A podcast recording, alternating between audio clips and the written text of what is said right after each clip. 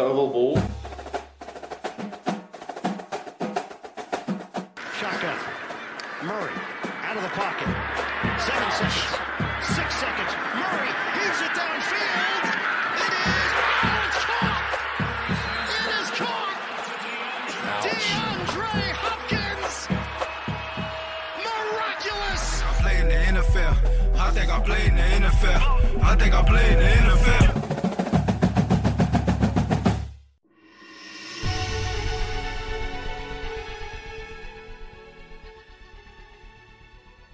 Hjertelig velkommen til Oval Balls Superbowl spesial. Godt å se dere, Kenneth og Stian. Like måte. Mm. Det var, det var synka. Det var bra. I dag er det én ting som gjelder. Superbowl. Vi har til og med laget vår første reportasje. Vi har henta inn tidligere gjester til å gi sine spådommer. Og vi kikker både på kampen, utenfor kampen og pauseshow til kampen. Og ikke minst stadion til kampen. Eller snappen gå til den viktigste episoden i Oval Balls historie. Football og Superbowl til folket. Superbowl til folket. Superbowl til folket.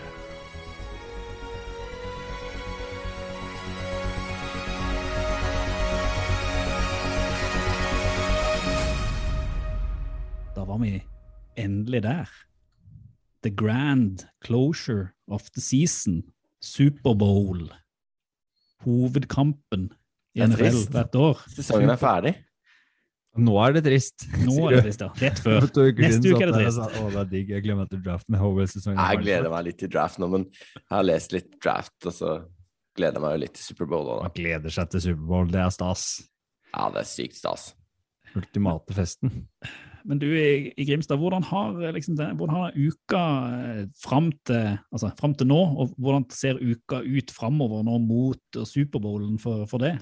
Er det bare lesing og opplading og laging, laging av sånn kyllingvinger og teste ut oppskrifter og sånn, eller hva? Skal du slakte hønene Eh, Nei, jeg skal ikke det, men u altså, uka før nå har egentlig vært mest interessant, for det har blitt 40 år.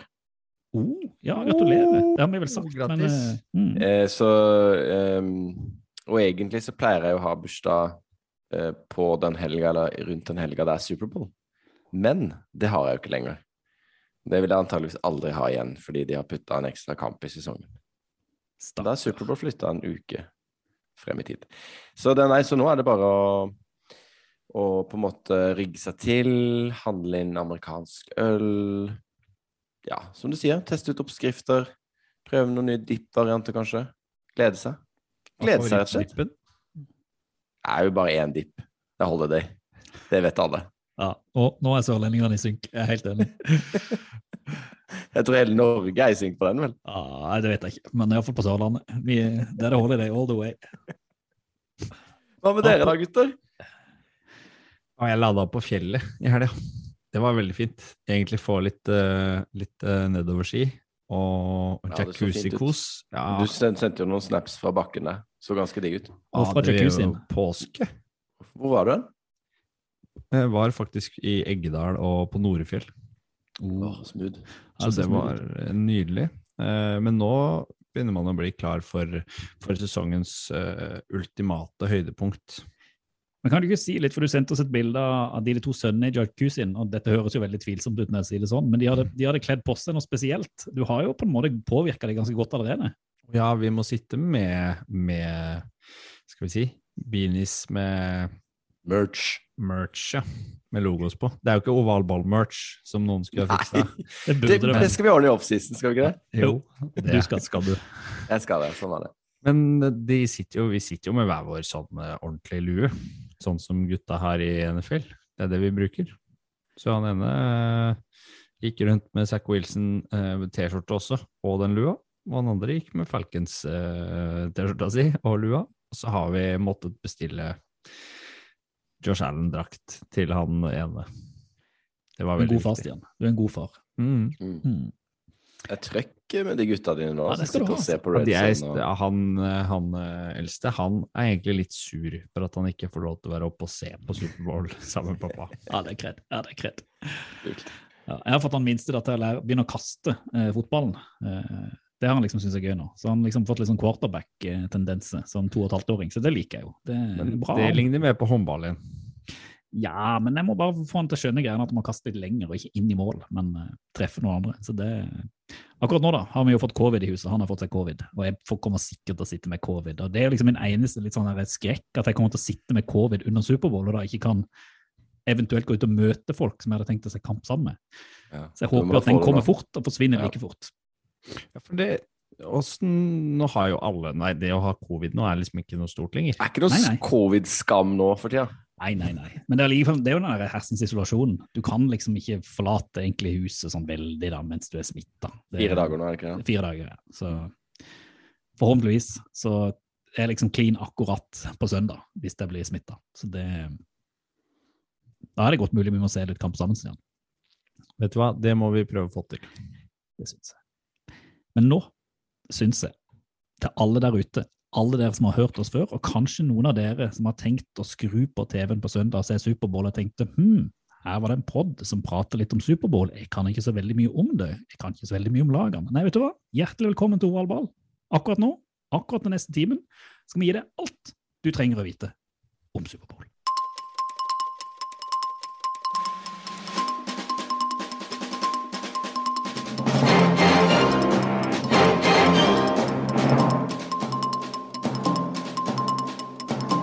Det skjer ting i NFL. Det er Superbowl, men det skjer ting. Og nå har offisielt Tom Brady lagt opp, Kenneth. Ja, han har det. Og det skjer jo ikke bare ting, det skjer jo egentlig jæskla mye ting. Men uh, Ja, han uh, Det er noen som ikke er så fornøyd med organisasjonen NFL nå. nei, du må, kan jo ta ti sekunder og bare hylle Brian Flores litt, da. Som har uh, saksøkt NFL for strukturell rasisme og eh, Ja. Kan du se nå på de eh, headcoachene som er ansatt, da. Det er jo var vel eh, fem Nå er det vel seks, da. Men det var fem, alle var hvite. og ja, Det er et, et pågående problem i ligaen.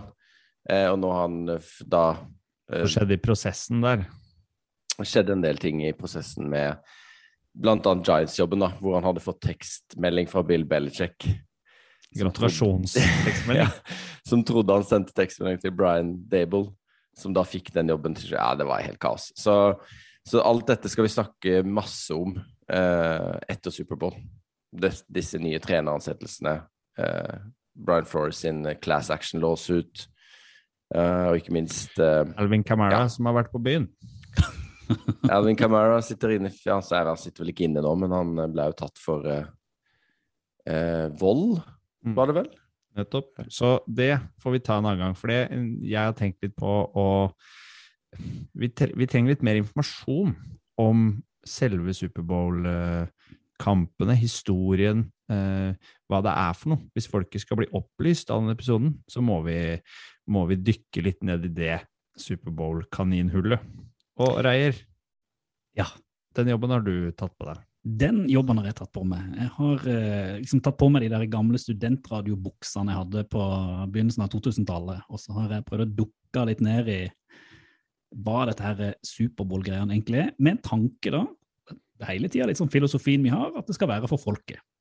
Eh, så jeg har da liksom sittet siste ukene, prøvd å finne ut eh, litt I karantene. i karantene, finne ut liksom hva dette er for noe. Men ikke bare Superbowl, jeg har liksom sett på hele, hele settinga. Du har det er jo noe musikk der, det er noe reklame, det er noe historie, det er jo litt fotball. Det er jo historie der òg. Så Ja, vi må ikke glemme den der underholdningsverdien som ligger i Superbowl. Det er på en måte ikke bare kampen dette dreier seg om. Dette er jo en av verdens største idrettsarrangementer.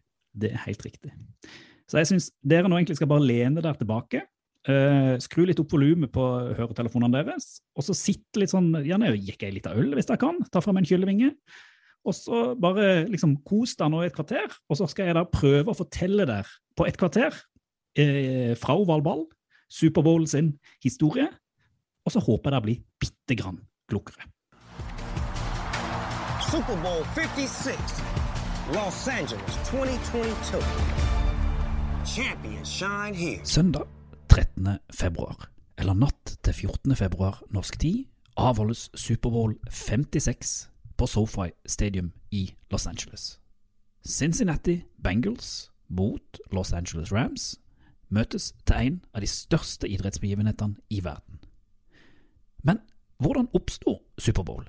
Hvordan fikk det navnet sitt? Hvem er det egentlig, historisk sett, det beste laget i NFL? Har det alltid vært pauseshow? Og hva er greia med alle disse reklamene?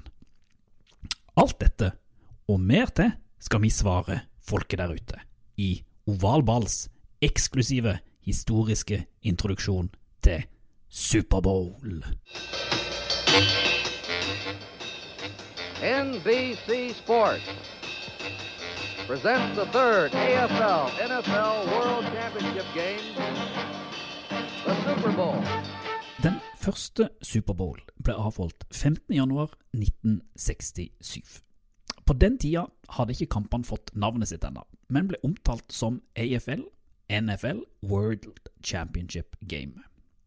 Den ble arrangert, som i år, i Los Angeles, California, men på Los Angeles Memorial Coliseum. Tilbake i 1967 var det to separate ligaer. National Football League, NFL, American Football League, AFL. Det som nå omtales som Superbowl, 1 var et møte mellom Green Bay Packers fra NFL og Kansas City Chiefs fra AFL. Packers beseira Chiefs hele 35-10. Og hvem var trener for Packers den gangen, spør du? Jo, det var ingen ringere enn legenden Vince Lombardi.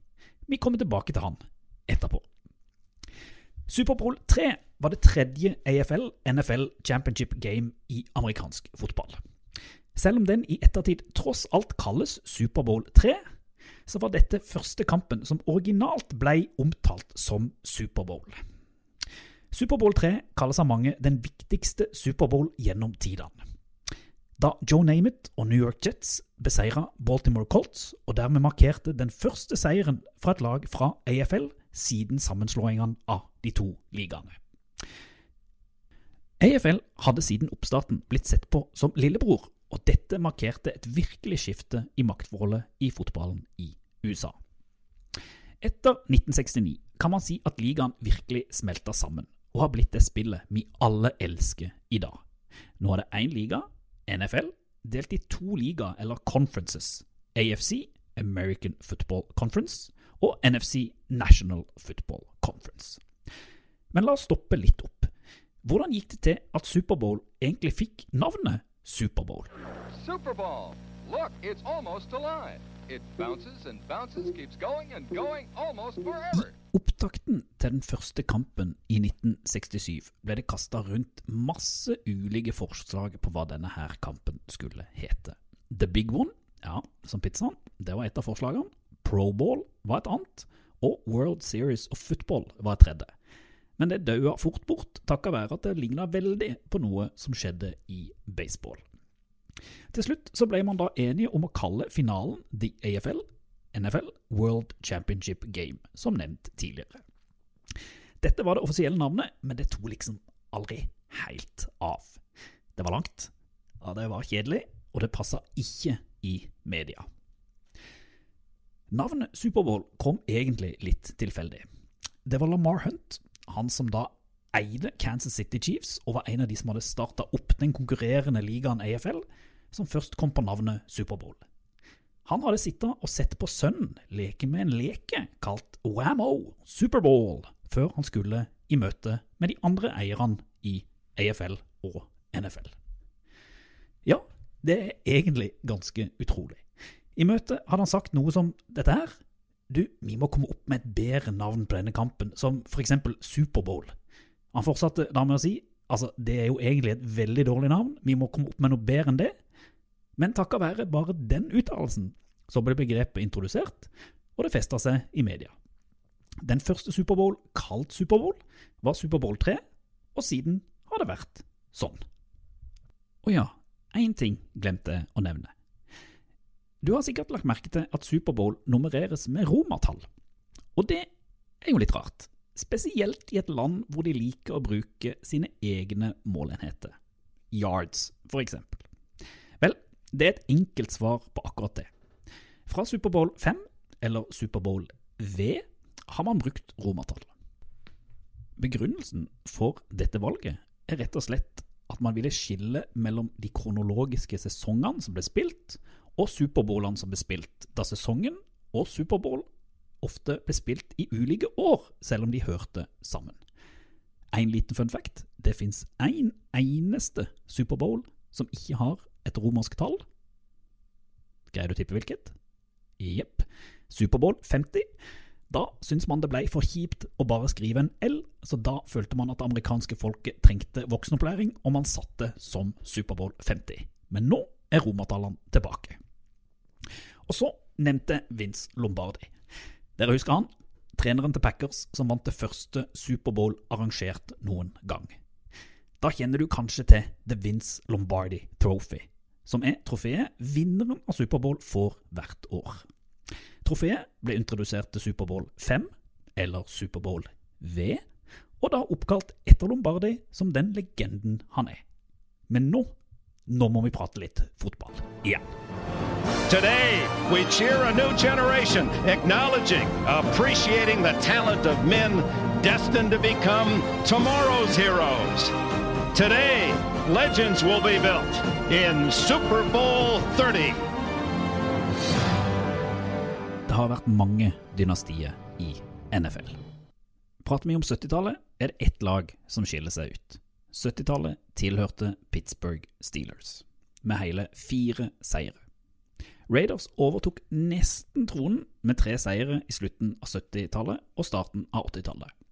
Men det store dynastiet på 80-tallet var Joe Montana og San Francisco 49ers med fire seire der òg. Beveger vi oss inn i 90-tallet, så blir vi introdusert til America's Team og Dallas Cowboys, som tok tre seire tidlig på 90-tallet. Det dynastiet ble avløst helt på slutten av 90-tallet av Denver Broncos, som tok to seire på rad rett før vi går inn i et nytt årtusen, år 2000.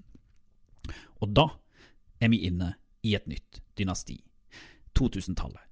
Og det har vel egentlig tilhørt ett lag og én mann, New England Patriots og Tom Brady.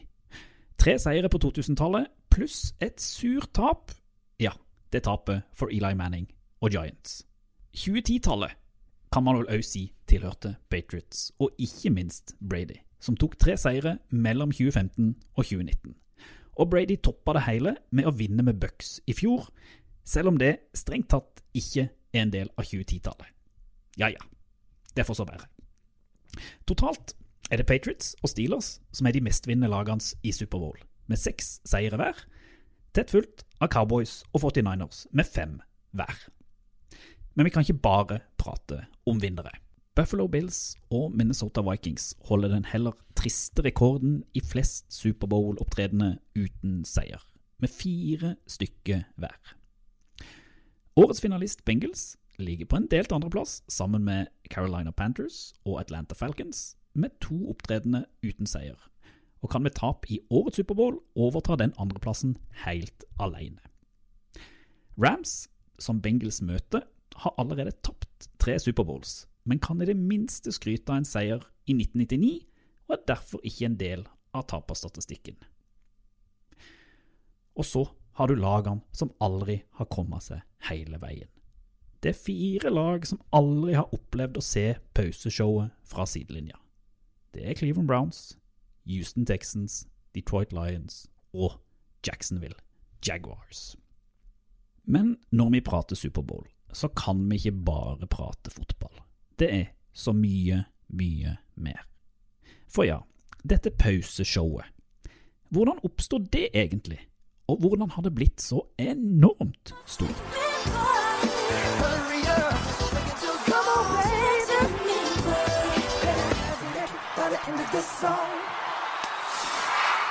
De siste årene har Superbowl-showet nesten fått mer opptale enn selve kampen på banen. Men til tross for sin historie med over the topness kom Superbowl halftime show fra ydmyke begynnelse. Frem til 70, til og med opp mot 80-tallet, hadde pausen det man kjente fra college, nemlig marching bands som spilte musikk etter ett spesielt tema hver eneste Superbowl. Kjempespennende. Carol Channing er kjent som den første kjendisutøveren på et Superbowl-pauseshow. Channing, som var en Broadway-stjerne, opptrådte i 1970, men da uten at det ble regna som et eget pauseshow. Det var først i 1972, da Ella Fitzgerald opptrådte, at man kan si at pauseshowet begynte å finne sin nåværende form. Men vi skal ikke lenger tilbake enn 1991 før vi kan si at det første ordentlige pauseshowet ble avholdt. I 1991 skulle man da feire 25 år med Superbowl, og en miks av New Kids on the Block, masse lokale barn og Disney-figurer ble et virkelig show ute på matta. I 1992 inntok Gloria Estefan Superbowl-scenen, og i 1993 var det ingen andre enn selveste Michael Jackson som opptrådte. Og siden den gang har halftimeshowet vært en like viktig hendelse som selve kampen for veldig mange amerikanere.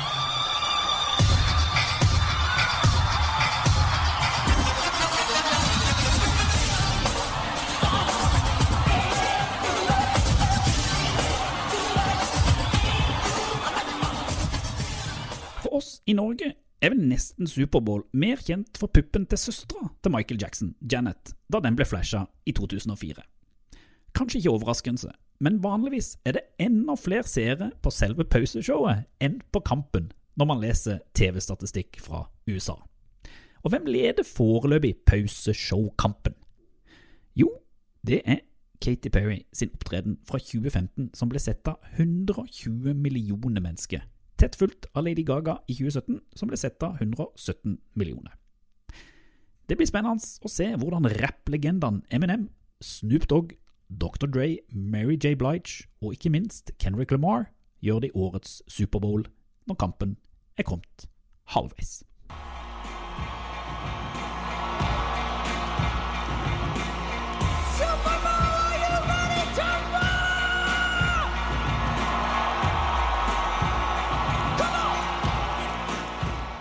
Helt til slutt så må vi prate litt om reklame. For ja, utenom fotballen og musikken er kanskje Superbowl mest kjent her hjemme for reklamen som vises denne dagen. Og reklame har alltid vært en stor del av Superbowl-kulturen, helt siden starten. Går vi tilbake til den første Superbowl i 1967, så var den gjennomsnittlige kostnaden for en reklame på 30 sekunder 37 500 dollar. Går vi fram til årets Superbowl, Superbowl 56, så kan NBC, som viser den, kassere inn 6 millioner dollar for en 30 sekunders reklame. Det er jo lite grann penger. Men det må sies at det var ikke før i 1984 at reklamemarkedet virkelig forsto verdien av Superbowl som en arena for å selge sine produkter. For i pausen under Superbowl 18 mellom Redskins og Raiders så dukka kanskje den mest legendariske reklamen i Superbowls historie opp. Det var her Steve Jobs og Apple, i samarbeid med regissør Ridley Scott, valgte å lansere deres nye personlige datamaskin, Macintosh, for det amerikanske publikummet for første gang, gjennom en remake av George Orwells 1984-roman. We shall prevail. On January 24th, Apple Computer will introduce Macintosh. And you'll see why 1984 won't be like 1984. Det er med andre ord en gigantisk global hendelse som går av stabelen på Sophie Stadium natt til 14. februar i Los Angeles. Og selv om det for oss i oval ball dreier seg om Cincinnati Bengals mot Los Angeles Rams, Joe Burrow mot Matthew Stafford, så er det ikke bare fotball Superbowl handler om. Det er rett og slett et speilbilde av amerikansk kultur, samfunn og ikke minst tidstrender, som viser seg ute på matta og gjennom TV-sendingene til over 180 land verden rundt. Det, det er virkelig fotball til folket i global forstand. Ovalball. Fotball til folket. Dette var jo imponerende greier, Reier. Ja, nydelig. Good shit, Du, good ja, shit. De studentbuksene du hadde på deg, uh, er, det noe, er det noe spesielt stoff eller noe i det? Eh, veldig sånn stretch. De var, eh, de var mer vide, litt, sånn, eh, litt mer luftigere for eh, 10-15 år siden. Her dekka du inn eh, brorparten av hva Superbowl er. Hva, hva, hva er liksom din favoritt eh, hva skal vi si, din favoritthistoriefacts eller eh, historiedel om, om selve arrangementet? Nei, Altså, når du sitter her for å lese det opp, så syns jeg kanskje noe av det gøyeste er disse pauseshowene. Hvordan det har da bare utvikla seg til å være sånn der eh, marching band som vi ser på college, til å bli eh, et større kulturelt fenomen enn selve kampen. Og kampen er jo noe av det største som finnes. Eh, så selvfølgelig som fotballfan syns jeg jo det er litt irriterende, men jeg skjønner jo hvor Altså, har du, er du en deltaker på dette halftime-showet, det skal vi sikkert prate litt om det eh, senere, så er du en etablert superstjerne i USA. Om ikke du er det før, så er du i hvert fall etter. For det er liksom Da, da vet alle hvem du er. Ergo i verden. I, ergo i verden. Så det er jo liksom Det er Fredrik Skavlan i verden. Lanseringstour. Så eh, jeg syns det er dritkult. Ja, jeg, jeg er helt, helt enig med deg. Det er eh, også de gutta som skal på nå. Det kommer jo til å bli et fyrverkeri igjen, da. Um, Jeg syns det er gøy hvordan, eh, hvordan navnet ble til, jeg. Fordi det viser litt om på en måte tilfeldighetenes spill, eller hvordan tilfeldigheter bare kan, er med og bestemmer ting eh, i store, store sammenhenger, da. Med liksom Superball som han hadde hjemme. Eller sånn uh, wow, ungen, eller- ja. Okay, vi kan, men vi kan ikke bruke det. Var ikke det han sa? Ja, Jo, han Nei, det. var jo ingen som sa de kunne bruke det. De ville jo ikke bruke det heller, men det, bare, det, var, bare- det var media som plukka det opp. ikke sant? Med en gang- bare, ja, vi kaller det det. Er fett. Ja. Det er kult. Og med en gang det sto i avisa, så var det gjort, ikke sant? Og så, og så sitter det jo i hjernen, ikke sant, med en gang. Så nei, det, det syns jeg er ganske funny, og det gjelder jo ganske mye av den historien til eh, amerikansk fotball generelt. da. Det er liksom mm. det er enkeltmennesker og deres eh, visjoner og tilfeldigheter som har bygd det til det store spillet her. Og apropos det, for det, det synes jeg er litt gøy, nå går vi jo inn i det vi kan kalle liksom et nytt tiår. Liksom, Det som jeg la merke til når man ser historien, det er at det er liksom noen lag som utmerker seg som dynastisk hvert enkelt tiår. Nå har det jo vært Patriots lenge. Eh, Det ser kanskje ut som at det dynastiet er litt sånn på Det feiler litt bort, i alle fall. Så det som er jo litt interessant, er om, om noen av disse to lagene her som møtes i Superbowl, Cincinnati Bengals mot Los Angeles Rams, kan liksom være med å starte et dynasti. Eh, Det er jo litt sånn spennende om det bare er en sånn one-off, eller om de kanskje dette er første seieren på, av mange, eller iallfall av flere i dette tiåret, som du ser en del andre dager har gjort. Det syns jeg jo er litt, litt kult. At vi er liksom i den situasjonen nå. Mm. Og det Der kan man jo si at eh, Rams er jo mer bygd for å vinne akkurat nå. Eh, Mens Bengels i prinsippet er bygd for å vinne om noen år. Men så har de plutselig kommet til Superbowl eh, ganske tidlig, da. Eller altfor tidlig, ifølge eksperter og odds og alt. Så det er vel kanskje de som ligger best an hvis man skal tenke dynasti, da. Men eh, samtidig så er jo Stafford bare hva Han ble vel 34 i dag, tror jeg. Så Sammenlignet med Brady, så har han iallfall ti, ti år kan være igjen. mange gode år igjen, han altså. Det er jo det poenget der, Kenneth, veldig valid når vi snakker om hva laga kan bidra med her. Da. For Rams har jo nettopp henta inn et par stjerner i år også. Mm. Altså i løpet av sesongen for å være der de er nå. Da. Det har jo vært målsettinga hele veien å komme seg dit, og de har et, har et lag på papiret som i utgangspunktet kanskje ser sterkere ut enn uh, en Bengals sitt. Men det har alle de andre lagene som har møtt Bengals i playoff også gjort. Altså sett sterkere ut enn de. Men jeg tenker, før vi nå vi, vi må jo kjøre en liten analyse for folket der ute. Vi skal ikke gå liksom, dypt dypt ned i detaljene, men eh, vi, skal jo kjøre, vi må kjøre vår egen analyse av hva vi tror kommer til å skje, og fortrinn og b- bakdeler med, med begge lagene. Men eh, siden dette er en spesialepisode, så har vi jo vært litt i kontakt med våre tidligere gjester eh, og bedt de om å komme med sine analyser om hvordan de tror kampen går. Jeg syns vi skal eh, la de få lov å prate først. det. Og så kan vi ta og følge opp hva de, hva de tror. Høres det greit ut? Høres greit ut. Nydelig. Hooday! Jeg holder med Cincinnati Bengals. Dette er Finn Grad fra TV2 Sporten. Jeg har kamerater i Cincinnati, Jannicke og Joey. De forteller at hele byen står på hodet. Dette er så svært. Har ikke vært i Superbowl siden 1989. Var et helt ræva lag for bare et par år siden. Da vant de vel fire av 16 kamper. Så den go-en de har fått, den driven, det, Det eventyret som de har satt i gang nå, det håper jeg og tror kan eh, gå hele veien til at de står der med pokalen. Eh, de fleste har vel eh, vedda mot Cincinnati Bengals i hver runde i sluttspillet, og her står de. De lå under. Så det sang mot Kansas City Chiefs i, semifinalen, eller i conference final, da, også, men tok det. Så jeg bare håper og tror, krysser fingrene for at eventyret fullbyrdes. Dessuten så Der er jeg på linje med store deler av USA, tror jeg. Jeg holder av prinsipp egentlig mot det laget som ikke er fra Los Angeles. Eh, så jeg, jeg tror på papiret at LA Rams har et bedre lag. Eh, og de har disse to som kan ta imot nesten hva som helst. eh, OBJ og Cooper Cup. Veldig bra. Eh, men eh, for det første har Bengals en fantastisk kicker. Han, eh, Evan McPherson han har vel 12 av 12 i sluttspillet. Han bommer jo aldri. Han treffer fra over 50 yards også. Og så tror jeg at vi skal kunne se tilbake på Superbowl 2022, som der begynte virkelig eventyret til Joe Burrow. Om 10-15 år så tror jeg han kommer til å bli regna som en av de store quarterbackene. Han har jeg trua på. Min store bekymring i denne finalen er at han får altfor dårlig beskyttelse, eh, sånn at han kommer til å bli sacked en del. Men Burrow han bare reiser seg opp og står på. Så jeg tror på Bengals. Hooday!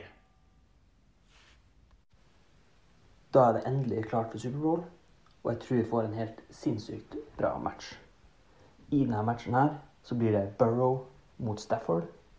Det blir McRae mot sin tidligere kollega Taylor. Det blir årets receiver-konge, Cooper Cup, mot Jesse Bates. Vi får den absolutt kuleste receiveren, Chase, mot Jalen Ramsey. Vi får ligaens beste kicker, Evan McPherson, mot ligaens kanskje mest oppskrytte kicker, Matt Gay. Og ikke minst så får vi Aaron Donald og Von Miller mot blant ligaens dårligste offensive linje. Og jeg tror at akkurat det gjør at det ender som i fjor, der hjemmelaget stikker av med seieren. Og at dessverre ikke er utenkelig at vi får se Joe Burrow springe for livet, sånn som vi så Patrick Mahomes gjorde i fjor. Jeg håper alle får en nydelig kamp. Og jeg krysser fingrene og håper virkelig at det er Bengals som overrasker og vinner til slutt.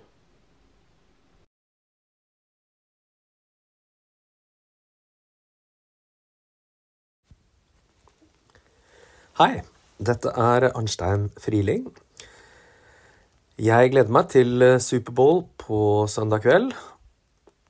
Jeg tror at dette blir en overraskelse. Jeg tror Bengals vinner. Det er ikke en sterk tro, men jeg har en liten mistanke om at Bengals win vinner. Uh, jeg tror det blir kanskje en fortsettelse av uh, historien til Stafford at uh, han ikke klarer å komme helt i mål, slik hele karrieren hans har vært uh, så langt. Uh, mye pga. selvfølgelig at han ikke spilte på et så godt lag. Men jeg tror det blir en sånn type historie. Jeg tror dette blir det store gjennombruddet til en kar som kommer til å bli veldig god i mange år framover. Joe Burrow og kombinasjonen Burrow-Chase tror jeg blir utslagsgivende. Jeg tror også at uh, det blir uh, muligheter for Bengals å kunne løpe en del også. Og jeg tror Burrow-Chase-kombinasjonen blir bedre enn Stafford Cup-kombinasjonen, og at det muligens blir utslagsgivende. Men det ser jevnt ut. Det er uh, sannsynligvis Rams og deres meget solide forsvar som uh, blir uh, favorittippet, som er favorittippet. Og min, mitt tips går mer på en hunch enn hva jeg tror er mest sannsynlig. Så der har dere det. Hei, Pontus her. Your friendly Swedish neighborhood flag nerd. Uh, først så må jeg si at jeg føler meg litt ambivalent om hvem jeg håper vinner. Det hadde vært kult om Bengals og Burrow vinner. Det føles litt som en underdog-story, og de har kommet hele veien til Superbowl med en suboptimal O-linje. Og det er ingen, inget annet än helt fantastisk. Og det er trots at jeg er av den skolen at jeg tykker at man bygger et lag fra innsiden och ut. Det vil si, er är online din crap så har du ikke så mye å si til om. Samtidig som jeg undrar Matthew Stafford å få vinne en etter så mange års slit på botten sammen med Lions. Och det er også en hel haug med spillere på Rams som spiller sin andre Superbowl på tre år. Og jeg tror ikke jeg ønsker min verste fiende å forlore to Superbowls på rad. Kanskje det er derfor jeg, trots at jeg er Patriots-fan ennå har litt sympati for Bills. Så ja, det er mulig min personlige Superbowl-reise i år blir å bestemme meg for jeg vem jag menar förtjänar att vinna mest. Men det framfor alt önskar meg, det er en jevn kamp med mye fourth quarter drama. Det trenger ikke være en høyt skårende kamp så lenge den er jämn. För det er jag tycker är absolut mest gøy å se på. Og det är jag troligen skiftat mening flere ganger också vem jag synes förtjänar å vinne mest. Så hva tror jeg da om kampen? Det er kanskje litt dumt av meg, da Bengals har klart å motvise det hele veien til Superbowl. Men som sagt, jeg tror at fotballag bør bygges inifrån og ut. Så derfor tror jeg at Rams front seven klarer å ødelegge tilrekkelig mye for Bengals, O-line og Joe Burrow. Og dermed tar Stafford og Gutta hjem seieren. Hallo, guttene. En ære å få lov til å komme med mine små spådommer før eh, Superbowl. Hvilket nummer er det? Det har jeg ikke kontroll på. Bokstaver. Jeg spår at uh, Bengals O-line kommer til å få store problemer med Aaron Donald og co. Hvis ikke CJ Osoma er eh, frisk, som det høres ut som han er sånn limfrisk, da tror jeg også at uh, Joe Burrow, Camel Joe, kommer til å slite.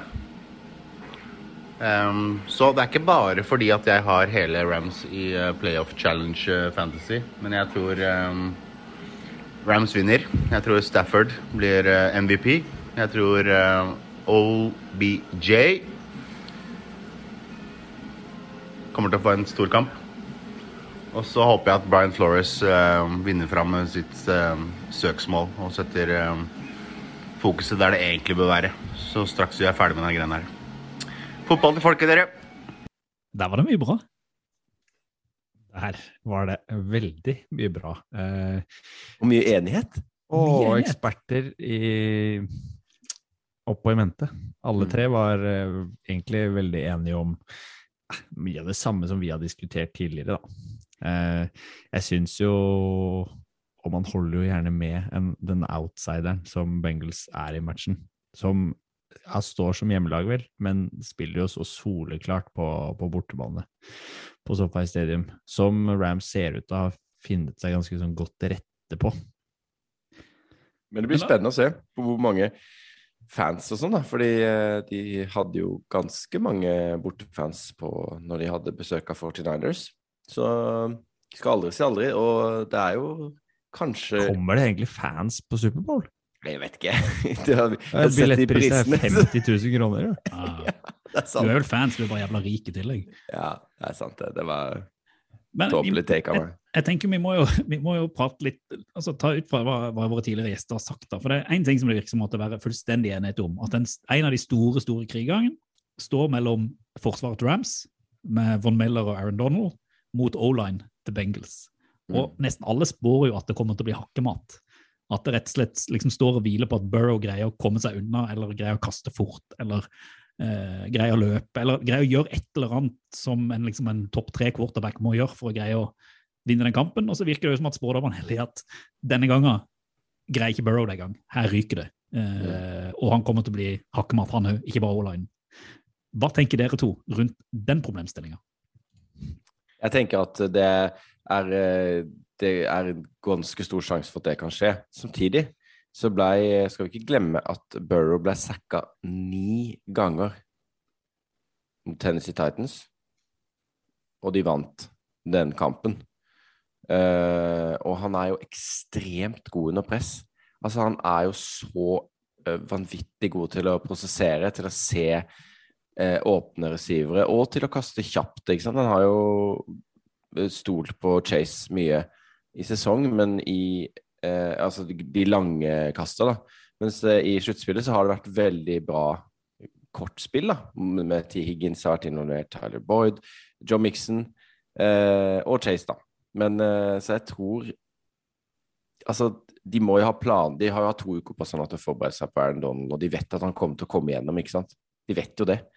Så da må de ha bra, en bra plan for å kunne kaste mye kort, da. Sånn at de kanskje må slippe opp litt. Og da er det plutselig ledig langt ned i banen der og Chase og Men det er jo klart, der har de Jalen Ramsey, da. Så det er jo Nei, det blir så gøy. Det blir så sykt spennende. Jeg bare håper i hvert fall at Burrow unngår å bli skada. At ikke vi får en sånn, sånn sinnssykt antiklimaks på det, da. At de bare gruser han såpass mye at han, at han ikke kommer inn igjen i kampen. Det må vi unngå for enhver pris.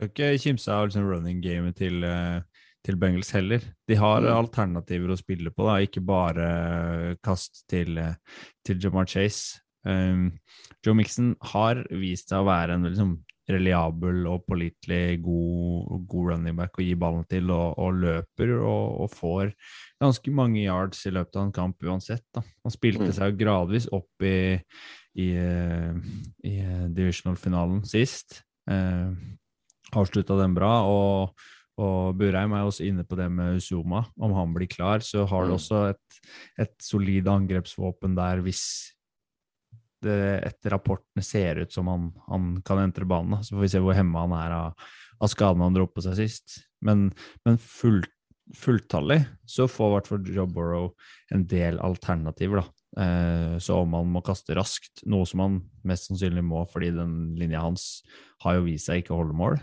Eh, Mm. Så kan han løpe òg, du. Han kan løpe, han må løpe. Mm.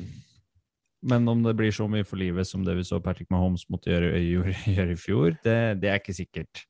Men han må nok løpe litt, og han må sannsynligvis ta noen sexer, for han møter jo ligaens beste forsvarsspiller. Og Von Miller han har jo faktisk vært MVP i en Superbowl. Ja. Så det er ikke vanlig at forsvarsspillere blir det, på en måte. Aaron Donald kan bli det nå. Jeg tror har mer tro på at han skulle levere bedre enn eh, Von Miller i denne matchen her.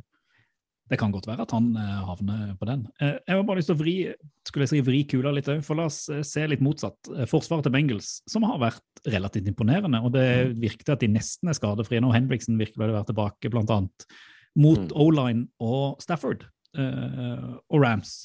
Hvordan ser dere det styrkeforholdet? Fordi at der har man jo kanskje en, en quarterback som får litt bedre tid, har en litt bedre O-line, men òg virker til å spille på litt høyere risiko eh, noen ganger enn det Joe Burrow har gjort i, i playoff, selv om begge to egentlig har levert en derfor kanskje en overraskende plettfri eh, playoff. Kenneth? Ja, altså, nå har jo nå, Jeg regner med at uh, Rams uh, er ganske skadefri, de også, på O-line. Eh, men de har jo hatt litt utskiftinger, annet med Whitbert og vært skada og sånn. Men eh, de er, har jo ikke den beste linja, de heller. Uh, men den er bedre enn Bengals sin.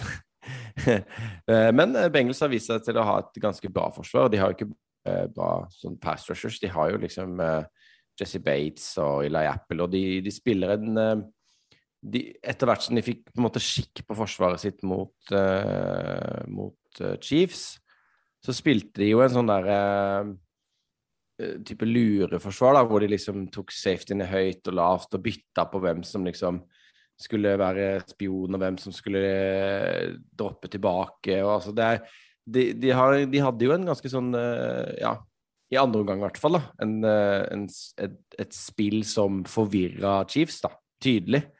Eh, så hvis de kan bygge videre på det, så er det jo mulig å presse Stafford til å, til å kaste noen sånne eh, ja, eh, 50-50-baller, som han er kjent for, da. Det, det kommer jo alltid.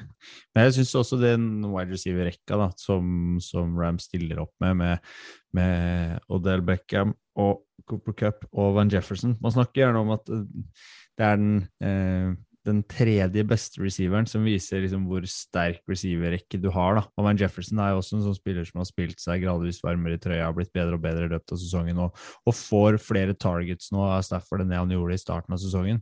Så det tyder jo på at samspillet mellom de gutta begynner å bli bedre. Samtidig så har du også fått inn Sonny Michel ved siden av Cam Akers, som, som avlaster uh, Rydde i løpespillet, som jo også har vært uh, kjempesolid, mens, eh, mens Cam Akers var ute med skade. Mm. Og Tyler Higby har jo hatt en kanonsesong som, som tight end der òg. Og, og han er vel også tilbake fra skade. Nettopp. Så jeg, Mm. jeg synes jo den offensiven til Rams på papiret, og som vi var inne på, er kanskje enda sterkere enn en Bengals sin. Men så er kanskje Det er en sånn X-faktor over Bengals-offensiven Mm. som, som uh, hviler der. Da. Og så har jo- Jeg meg litt uenig, men kjør du først, Kenneth. Nei, så Det er jo de to beste wide receiver-gruppene i ligaen, kanskje. da. Altså, Du har jo på en måte Cup og Beckham og Jefferson, og så har du eh, Chase og eh, Boyd og Higgins. Eh, og det, det er jo Det blir så fett å se på det, og du har to quarterbacker som elsker å hive ballen. Så det er jo en skikkelig eh, Forhåpentligvis en sånn pass-happy, pass-heavy Superbowl vi har foran oss. Eh, og Burrow har jo også kasta sin del av interceptions. Han er ikke redd for å ta sjanser, han heller. Selv om Stafford kanskje er enda mer sånn prone til det, da. Så, så vi Altså, jeg, jeg håper og drømmer om en skikkelig shootout, altså. Sånn, Det vært gøy, det. Ja, sånn fem, over 50-60 poeng totalt, liksom, og bare helt kalabalik hadde vært så sykt gøy, altså. Men jeg syns jo at jeg synes Bengals sitt offensive korps er bedre enn det Rams har. Eh, fordi at jeg syns at eh, altså Higgins kanskje er en av de mest undervurderte wide receiverne du har i, i ligaen, og Boyd stiller opp for min del høyere enn det Van Jefferson gjør. Og så kan du jo si at Chase og, og Cup eh, kanskje er de to beste eh, i sesongen. Og så er det jo liksom, jeg syns Odell Beckham er jo han er et wildcard, for ja, eh, han har vært en av de beste, men han har jo vært ekstremt ujevn, så han var bra når han kom til Rams. Så liksom, jeg tror det ligger mye på Odell Beckham hvordan Rams gjør det. Hvis han leverer en liksom, enorm kamp som VR2, så kan det godt være at det går veien, men jeg tror liksom at Higgins kan godt outshine Odell Beckham i denne kampen her uten problemer. Eh, For det virker jo som om eh, så lenge de dekker opp Chase, så har jo Burrow to andre alternativer som nesten er nesten like bra. Eh, og så det siste poenget at det er egentlig ingen av disse lagene som har kjempegode tight end. Uh, ja, ja. Uh, altså, Zuma hvis han er skadefri, uh, som dere nevnte for Rams. Men det er sånn, det er liksom på sidene det skjer. Og så er de gode på løpespillet. Ikke, ny, ikke kjempegode, men de er gode. Så det er ekstra, altså, jeg syns de er så like på et vis, selv om jeg mener at Rams, nei, Bengals litt tak foran offensivt. Kenneth.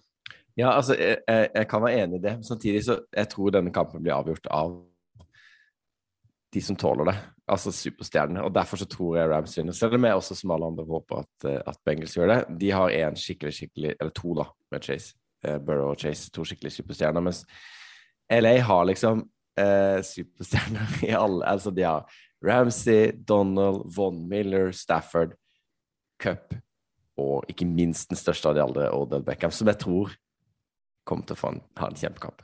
Fordi, bare fordi at en der. Glenn McPherson Du glemte jo Johnny Hecker. Ja, Hecker, selvfølgelig. Men, men jeg, jeg tror jo Beckham altså, han er lagd for denne kampen, da. Altså, comeback, altså snur, snur eh, på flisa, alt jeg på å si, blir bedre.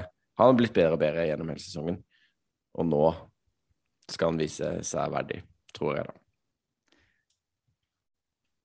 Ja, Du har jo et, du har et poeng. Men eh, for, vi skal ikke, altså, jeg tenker vi skal ikke dykke altfor dypt ned i, ned i- ned i analysen. Men jeg må Jeg får ikke nok for av det Rams-laget.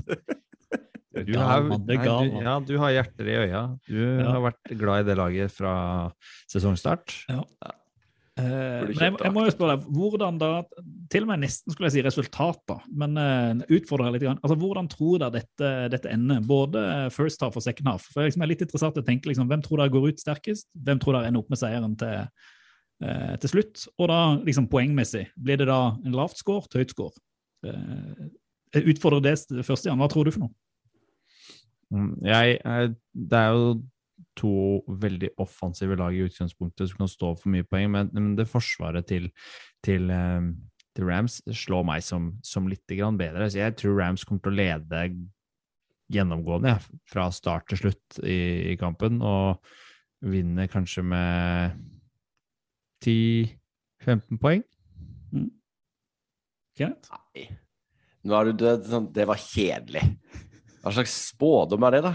Jeg tror at oh, ja, så, så jeg kan ikke spå det jeg tror? Nei, du må spå, Jeg må spå, spå noe det du annet vil. som bare er Ja, gøy. Du må spå det du ønsker. Bengels går ut, folket. Går ut i 100, eh, tar en kjapp ledelse, og så er det en del frem og tilbake. Eh, trader litt field goals. Eh, går inn til pause med en trepoengsledelse. Rams skrur på i andre. Bengals kommer med et late comeback som ikke akkurat ikke går. Og så vinner Rams til slutt. Med tre. Kanskje til og med bare to. Kjempespennende spådom fra deg òg. Ja. Ja, det er i hvert fall liksom. mer spennende enn at et lag er med 15 poeng i Superbowl. Jeg, tror det- jeg tror det blir Da blowout. sovner jo folket plutselig. Ja, men folket får sove hvis de vil. Folket får tåle. Ja. Jeg er sånn, her er det forskjell på håp og tro. da. Altså, jeg, jeg har sagt det hele tida. Det er jo hver gang Bengals har spilt, så har jeg alltid trodd på Du er sørlending jeg håper på, håper på Bengals. Håpet skal du ikke kødde med. Men jeg tror og det, det er sånn, jeg tror Rams går ut her. De kommer til å nesten skjøtte ned Bengals tror jeg, i første. Jeg tror det Forsvaret kommer til å holde det sånn at de kanskje greier å få inn et par spark. Altså de, og så kommer Rams til å kanskje gå fram og skåre en touchdown, et spark og kanskje det med touchdown til. Men så tror jeg, og det er både tro og håp, at Bengels igjen viste seg som det comeback-laget de er. De er så beinharde mentalt. Rams kommer til å bli nervøse. De har alt å tape. De spiller hjemme, de leder. De har vist det tidligere. Og så er det Evan McPherson som avgjør Superbowl for Bengals på en walk-off eh, field goal etter at Burrow har hatt en sånn syk drive helt på slutten. Det er min spådom. Og det er ikke kjedelig, Kenneth. Nei, det er jo helt konge. Da må Ja. McPherson legge opp, tror jeg. Ja.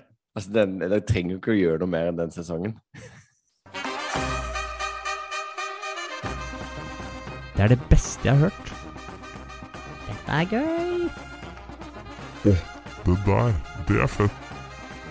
Oval ball anbefaler. Jeg tror ikke det har skjedd enda at vi har spilt inn en eh, oval ball-episode uten å ha en anbefaling. Så den uka her, Kenneth, så er det du som har eh, klart for folket hva man bør ta med seg. Ja, altså um, Det som er uh, bra for folket, er at det er flere steder å se Superbowl. Og det er jo det vi må snakke om i denne episoden. Uh, vi har kommunisert litt med, med via Play, holdt jeg på å si. Uh, og der skal da Christian Ramberg lede et studio med Levon War, Jørgen Hoff og Arnstein Friling. De begynner sendinga 23.15. Avspark er jo da ca. halv ett, eller litt over halv ett. Eh, skal jo være litt nasjonalsanger og sånne ting, da. Eh, og det anbefaler vi jo selvfølgelig. Det er alltid gøy å ha et norsk studio på plass. Eh, og i forkant av kampen så, så er det jo hyggelig å høre litt norske stemmer og få litt analyse fra, fra folk vi kjenner. Eh, I tillegg så er det jo selvfølgelig NFL GamePass, som eh, nå sikkert er rekordbillig. Eh, og der er det jo hyggelig å se kamp, fordi da også man eh, får med seg de amerikanske reklamefilmene, som jo er veldig omtalt og sagnomsust. Eh, For det kan bli trått der. det blir, altså I år blir det bra. Allerede nå går det jo sagnomsuste legender om at Lindsay Lohan gjør comeback på reklamene på Superbowl. Så jeg bare sier at det er GamePass. Skal du ikke kimse av det heller, for å få deg med deg treningsvideoen hos sin. Ja, og så var det jo bare et par år siden hvor uh, GamePass faktisk eh, knela midt under Superbowl, tror jeg. Da var det god stemning i, på Twitter, husker jeg. Da er det fint at man har, man har valg. ikke sant? Ja, Går det ikke det ene, så funker det andre. Så har man en, no, nordmenn og bekjente i begynnelsen, og så kanskje den under kampen. Ja, da. Det, det er bare fint. Ja, der slipper vi vel òg i Viaplay-studio, så slipper vi den vanlige reklamebonanzaen. Den, den trøttsomme som ofte kommer i pausene på seinkampene. Som ikke dere opplever, selvfølgelig. Som ikke dere opplever, selvfølgelig. Fordi dere Da sover. sover jeg, ja. Til vanlig. Så til vanlig gjør vi det. Vi skal prøve å holde oss våkne da. Vi får nå se om det går. Det går.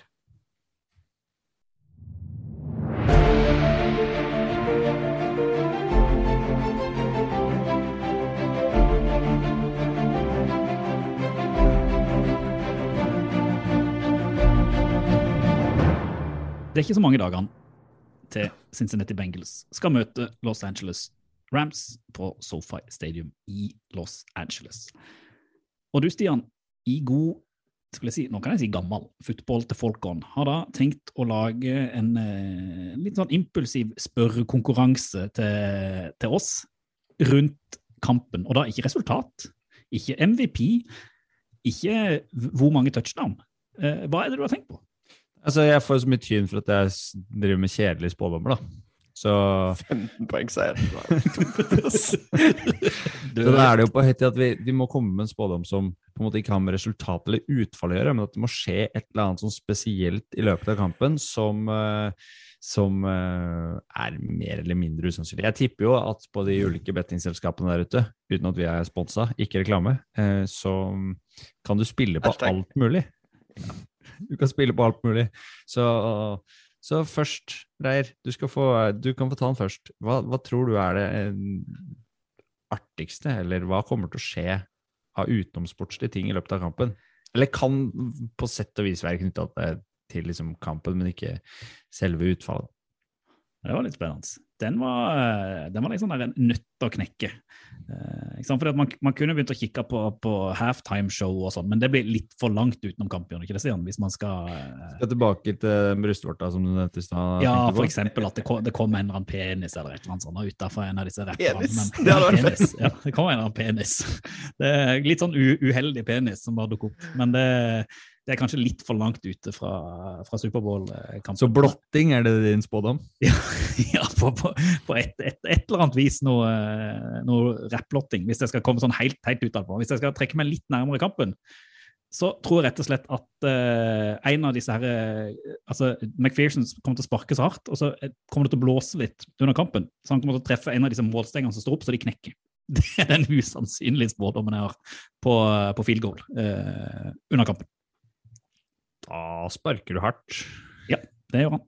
Det, altså, skal det være usannsynlig, så må det være usannsynlig. Skal jeg komme med en, da? Du kan få lov til. Jeg, ja, jeg en tror kjedelig? Mm, Selvfølgelig. Ingen penis Jeg her. var det. Nei, men jeg, jeg tror eh, faktisk at uh, han Burheim nevnte som den, den oppskrytte kickeren til, uh, til Rams. Var Darlings gjorde det, ikke? Jo, det var det. Ja. Stemmer. Bare sånn vi credit Han- the right guy. Han kommer til å dra på seg en skikkelig skade. Han blir takla idet han skal uh, skyte ballen i mål. Uh, og da må Johnny Hecker inn og kicke. Ja, men er- Blir det Hacker, da? Blir ikke Beckham, da? Nei, nei, nei. nei. Den tar Hecker. Den taker. Så jeg tror uh, Og han avgjør da i OT. Han gjør jo ikke det, for de har jo allerede vunnet med 15. Nå er du bra, Kenneth. Nå er du bra. Nei, jeg skal ikke Det var dårlig gjort av meg, men eh, det, det hadde vært gøy, da. Se Det hadde vært gøy. Hacker- Der er det spennende. Det er en Ja, spådom jeg jeg vet ikke om han er, så, er noe god, men jeg er glad i Hecker. Ja, han er fet. Eh, OK, min Altså, McVay er jo historisk dårlig på game management. Og eh, det er jo Zack Taylor er jo protesjeen til McVay. Så jeg tror at begge trenerne kaster alle challenges de har lov til å kaste, altså én i hver omgang, og taper alle fire. Ja, men da, da må vi ta en til hver, for dette var okay. gøy. Ja. Reier? Ja, nå kommer han jo jækla bardus, da. Men uh, ok, ja, men da, da må jeg tenke litt på, på kampen her, da. Og da vil jeg si at hvis vi skal være sånn som Kenneth, så kommer iallfall Odell Beckham kommer til å kaste en touchdown-pasning. Eh, han kommer til, han kommer til å motta en, han kommer til å kaste. Og så tror jeg at eh, Stafford kommer til å fumble ballen flere ganger enn han kaster touchdown. Bare sånn. Det var de, jeg måtte bare ha to. Bare sånn. Den, den er ikke dum, den. Nei, det Alt er lov i den spalten Ja, her. ja, ja. Du, Stian, da? Dette Jeg på tror, eh, jeg tror det faller ned en drone fra taket. Her kommer alarm! Hvis du Ja. husker det klippet fra OL eller VM i alpint der, der ble det landa Ja, ja. Dette kameraet bare. Ja, jeg tror det skjer noe lignende. En uh, kamerakatastrofe. Burrow knuste et kamera ned og blir skada av Bengals. Ja. Uff. Ai, ai, ai. Ja, meg, Ja. da. Jeg tror det skjer en, en sånn dobbeltfumble. At, uh, at det er noen som uh, på en måte mister ballen. Så blir den plukka opp av det andre laget, som prøver å løpe med den. Og så blir, mister den personen ballen, så blir den plukka opp av det andre laget igjen og løpt tilbake. I samme play, da. Bra. Så vi vet ikke om vi kan anbefale folk å sette penger på, på våre spådommer her. Tror vi vil anbefale å ikke gjøre det. hvis- Nei, jeg tror jo min spådom eh, på 10-15 poeng seier til Rams er, er mer sannsynlig. Det er kanskje det mest sannsynlige som har blitt sagt i, i den, i den spådomsspalten. Og man skal, jo, man skal jo hylle deg litt sånn på slutten av sesongen at du er jo uten tvil den av oss tre som kan tippe. Så er sånn sant. sett så er det, er det noen man skal lytte på, så er det jo det. Det skal han jo, eh, skal han jo si. Men det er jo dritkjedelig, da. Så jeg håper jo ikke du får rett, for det gjør jo litt at kampen blir litt sånn døll. Så jeg spår, apropos denne spalten, at du tar feil, Stian. Det hadde tatt seg ut.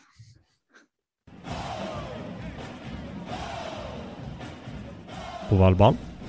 Fotball til folket.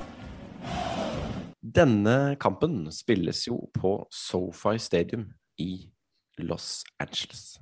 Den nyeste stadion i amerikansk fotball. Og du har mer om dette, Stian. Mye mer. Mer om stadion. Ja, SoFi, hva står det for, Kenneth?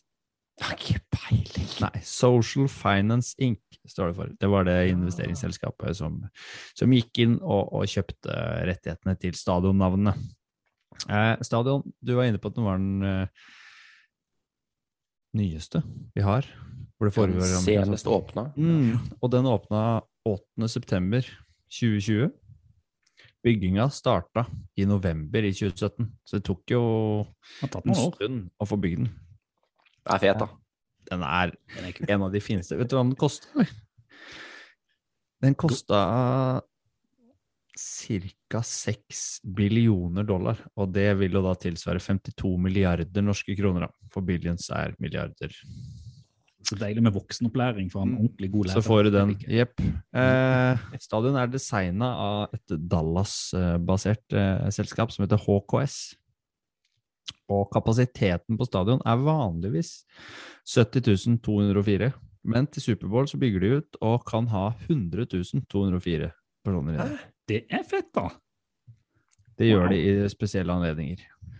Wow, wow, wow. Det er en kul fun fact. Over Mm. 100 000 på Superbowl, det må være lenge siden. Det tror jeg er kjempelenge siden, hvis det har vært. Det har vært. Apropos vi som gikk inn i historien, det har vært, men eh, det er lenge siden. Den eh, prosessen for bygginga er jo også litt eh, spesiell for Stan Kroenke, som jo er eieren til Rams. Han uh, flytta jo laget fra St. Louis til Los Angeles i, liksom, i forbindelse med stadionbygginga også. Så når de skulle åpne ny stadion, så flytta de også laget. Og prosessen den starta allerede i 2014, og ble godkjent av ligaen da i 2016. Og det er også sånn at den stadion den ligger i et område i Los Angeles som blir kalt for Hollywood Park. Og der har de på en måte eh, et slags sånn YouTube Plaza, American Airline Plaza, du har liksom en del av de reklame... eh, skal vi kalle det, stedene du kan besøke og se ulike ting på. Eh, I tillegg så er jo stadion Altså, den er mer enn en stadion, da. Den er for eksempel, eller området vi liksom forholder oss til her, så er den altså 3,5 ganger større enn Disneyland. Det er heftig. Det området Hollywood Park. Så da har du liksom alt mulig. Hollywood Park er forresten oppkalt etter en sånn veddeløpsbane som lå der tidligere. Så, så vet dere det også. Eh, inne på stadion, hvis dere har sett bilder derfra, så har de en sånn tosida videotavle. Ser på det nå, Som går i en sirkel, ja. Og den veier eh, ca. 1000 tonn. Apropos kamerakatastrofe. Hvis det den faller kan ned. bli. Og den er eh, levert, Infinity Screen er levert fra Samsung. Det er en dobbeltside 4K HDR med 80 millioner piksler, som jo er den første da, i sitt slag, eh, og blir kalt for The Oculus. Det ser ganske rått ut. Ja, den er fet. Eh, den er fet. Eh, det kan også sies at den, den banen de spiller på, den er eh, eh, 30 meter under bakkenivå. Det er ikke helt eh, unaturlig at du har, eh, at du har ca. 100 feet da, under, fordi det er restriksjoner om høye bygg i nærheten av LAX. Så kan ikke bygga være så og så store, så de må, de må senkes isteden. I tillegg så er det en sånn indoor-outdoor-feel, fordi det er mye vinduer og åpne liksom, passasjer og sånn i liksom, stadion, som gjør det litt spesielt. Og vi vet jo også av eh, amerikanske filmer og ulike ting vi har sett før, at eh, det kan være jordskjelv i LA. Eh, og derfor er også de søylene har en form for bevegelse i seg som holder stadion oppe pga. de seismiske forholdene som, eh, som stadion står på. Og når man ser stadion utenfra, så er det et slags overbygger, et sånt panel som liksom dekker hele stadion der. Og den, det er altså ca. 35 000 aluminiumpaneler i det taket, som da til sammen har ca. er 20 000 hull og ulike markeringer. Da. Og hver plate som er satt sammen, er unik. Da. Det er ingen av de som er like med hull på samme sted. Altså, det er en sånn arkitektonisk perle. Og for de av dere som er interessert i det, da, så avholdes WrestleMania der 2. april 2023. Det blir flytta. Og det er en av stadionene til fotball-VM som skal arrangeres der i 2026, og sommer-OL i 2028. Så da har vi liksom noen sånn tilleggsopplysninger til den stadion. Men det vi kanskje ikke visste, var at eh, Rams i utgangspunktet skulle avholdt Superbowl i fjor. Men ferdigstillinga blir utsatt, og så er det sånn at man får ikke lov til å avholde Superbowl på en helt ny stadion første år, eller første år en stadion er eh, i ligaen, fordi stadion må bli kvitt barnesykdommer før de får lov til å arrangere et såpass stort, dokument, såpass stort eh, arrangement. Så eh, hvis du vil vite mer om stadion, så anbefaler jeg dokumentaren som heter NFL Superstadium, som du finner både på Prime og Amazon og Apple TV og sånn. Der går det gjennom alle de ulike stadionene man kan se på, og man kan få et mye dypere innblikk i da SoFi Stadium, som er eh, arenaen hvor Superbowl spilles i år. Det var veldig nyttig, Stian. Nå skjønner jeg hvorfor du er lærer og det Kenneth ikke er det. Her var det pedagogisk og lagt opp med interessant informasjon og eh, lett for folk der ute å få tak i essensen av denne her meget fete stadion. Ja, jeg skulle ønske jeg var flinkere til å beskrive egentlig hvordan det ser ut, for når man ser det på bilder, så ser det skikkelig stilig ut. Eh, og har man vært der eller hatt mulighet til å liksom være i nærheten av det, så tipper jeg det jo er eh, ja, det, kan, det kan ikke sammenlignes med måten liksom, man snakker om Men det er det som er så fint med podkast. Hvis du går med oss nå på telefonen, så er det bare å ta den opp, så sitter du og googler litt, så kommer det opp masse fine bilder. Du kan se alt. Du kan nesten spole tilbake, og så kan du høre Stian beskrive det en gang til mens du sitter der og ser på bildene. Så det tror jeg blir, jeg tror det blir gull. Du Kenneth, du har på en måte valgt å drite litt i stadion og fokusert litt på hva som skal skje midt på banen eh, i pausen. For hva er det som skal skje sånn når eh, Joe Burrow er ute og tar seg en eh, klunk vann og gir opp laget sitt for å gå ut og gjøre comeback eh, i andre omgang? Så det er jo det myteomspunne halftime-showet, selvfølgelig. Eh, og eh, det er jo ikke så lenge siden eh, de slapp en trailer, eventuelt en liten film-preview av hvem som skal spille. Det har jo vært kjent hvem som skal spille ganske lenge, men, eh, men det var jo en video på nesten fire minutter, vel, hvor de hadde showcase av de som skal spille da. Og det er jo da eh, noen som er fra LA, og som kanskje er eh, LAs eh, ja, jeg vet ikke, feteste folk. Altså Dr. Dre og Snoop Dogg, Kendrick Lamar, eh, Mary J. Blige og da til slutt eh, Eminem skal uh, spille på halftime-showet. Han er fra Detroit, da, ikke det? Han er fra Detroit. Detroit, Eh, ja. og så er litt usikker på hvor Mary er fra, faktisk. Men eh, det er jo uansett ganske stjernespekka gjeng, da. Eh, og mange. Eh, så jeg er litt spent på hvordan de løser det. Jeg vet ikke helt eh, hvor, lang, hvor, lang, hvor lenge pleier de å spille. Er det sånn ca. et kvarter? Ja, det er jo sånn rundt regnet, tror jeg. Mm. Ja. Så det, det skal jo pakkes ganske mange låter inn. Tipper det blir masse medleys og sånn. Men akkurat på den videoen eh, som de slapp, så kommer selvfølgelig Snoop kjørende i en lowrider, og Dr. Dre går langs stranda mens det kommer et piano opp på havet og spiller Still Dre og sånn. Så det, du, det er skikkelig Altså, de kjører jo på med LA-faktoren, da, eh, når de først har Superbowl der, og det syns jeg er ganske Det er ganske kult at de gjør det på den måten, da. Eh, og så er det jo utrolig spennende å sitte og tenke litt på hva slags låter som eh, kommer til å bli spilt her, da. I og med at det er såpass mange artister som hver seg har veldig mange kjente låter, og eh, er også sammen på en del låter. Og Så har de ganske mange låter som også er litt kjedelige. Sånn at det er jo Så får jeg i hvert fall håpe at eh, de klarer å velge riktige Eminem-låter, i hvert fall, for da er det mye, mye dårlig på slutten av karrieren, sånn i den seneste tiden, syns jeg i hvert fall. Så, men at vi får høre Still Dre, tror jeg er ganske sikkert. Eh, så det er egentlig det jeg gleder meg aller mest til. Det er den låta som jeg har hørt kanskje aller mest på i hele min eh, oppvekst. Ja. For Så- oss i, i en god alder så er det liksom hele ja, slutten av fantastisk. tenåringene. og, ja. Fantastisk låt. Jeg kommer helt Eh, sikkert til å overgå DJ Cascade, som hadde første konserten etter over- oppheva covid-restriksjoner der. Eh, 17. juli 2021. Ja, jeg, så, jeg ser på noen bilder her at det ser ut som Rolling Stones har spilt der. Eh, så, men det, det blir uansett et veldig spennende halftimeshow som er, er ekstremt Det har store, høye forventninger til eh, akkurat det. Så, så det er jo bare å glede seg til alt som skal skje natt til mandag. Kanskje greier de å slå Katy Perry sin rekord fra 2015 og bli det mestseende halftimeshowet noensinne i Superbowl. Tror dere det? Nei. Ja.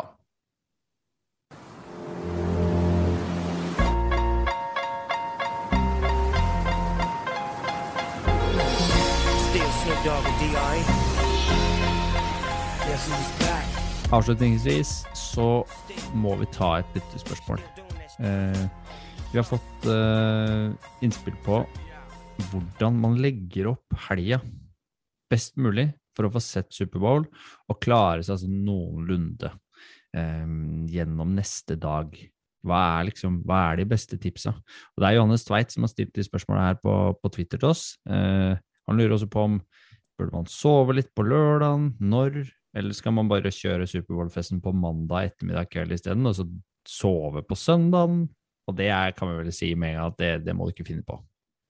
Nei, det, det er enig. Altså, det, er jo, det er kanskje litt dumt av Johannes å spørre tre familiefedre eh, hvordan du legger opp den, for det kan være en litt annen taktikk enn hvis du bare har det, har deg sjøl å, å tenke på.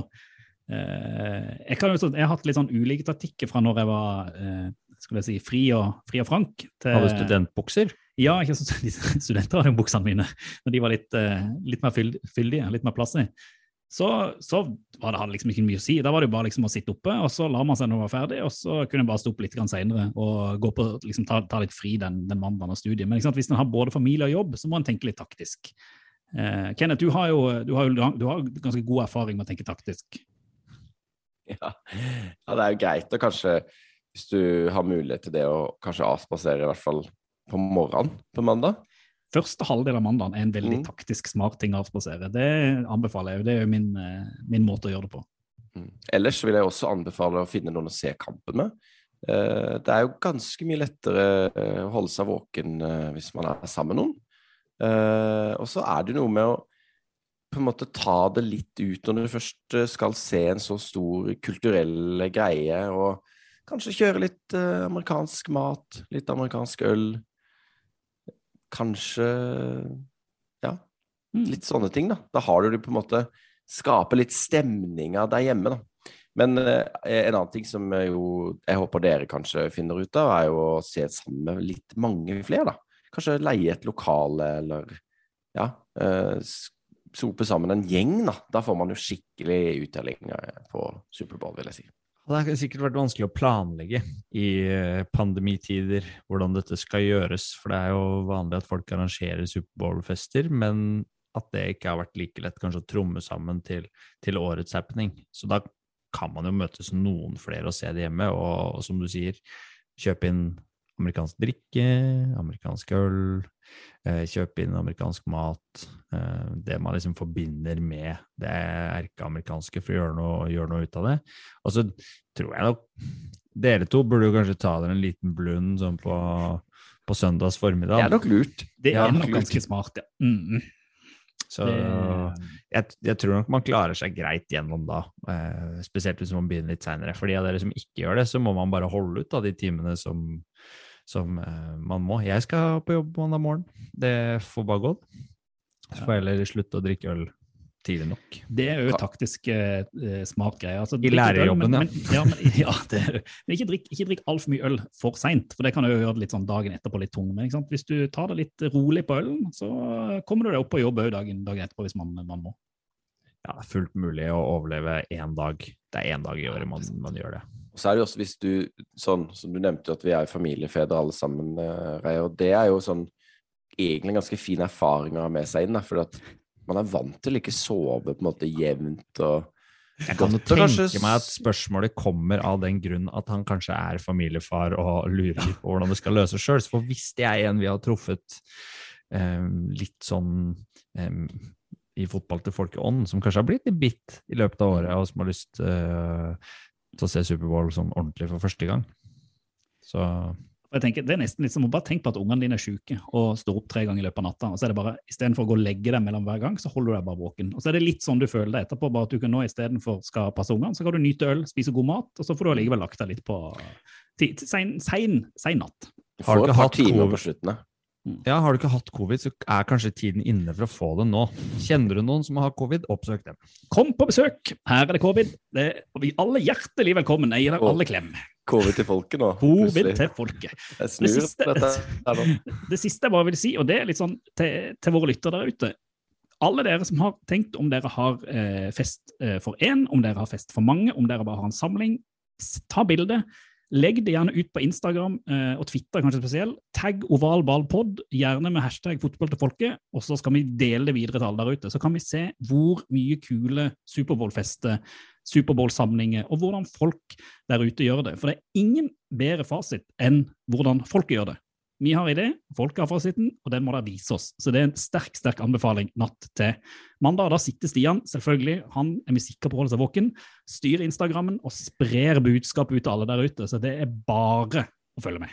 Jeg må sikkert sitte sånn og pirke deg i øret med en penn eller en finger eller noe sånt. Tror du ikke det? Ja, jo, jo. Kan jeg sitte og hoste litt på det, så blir det covid til folk. Mm, deilig.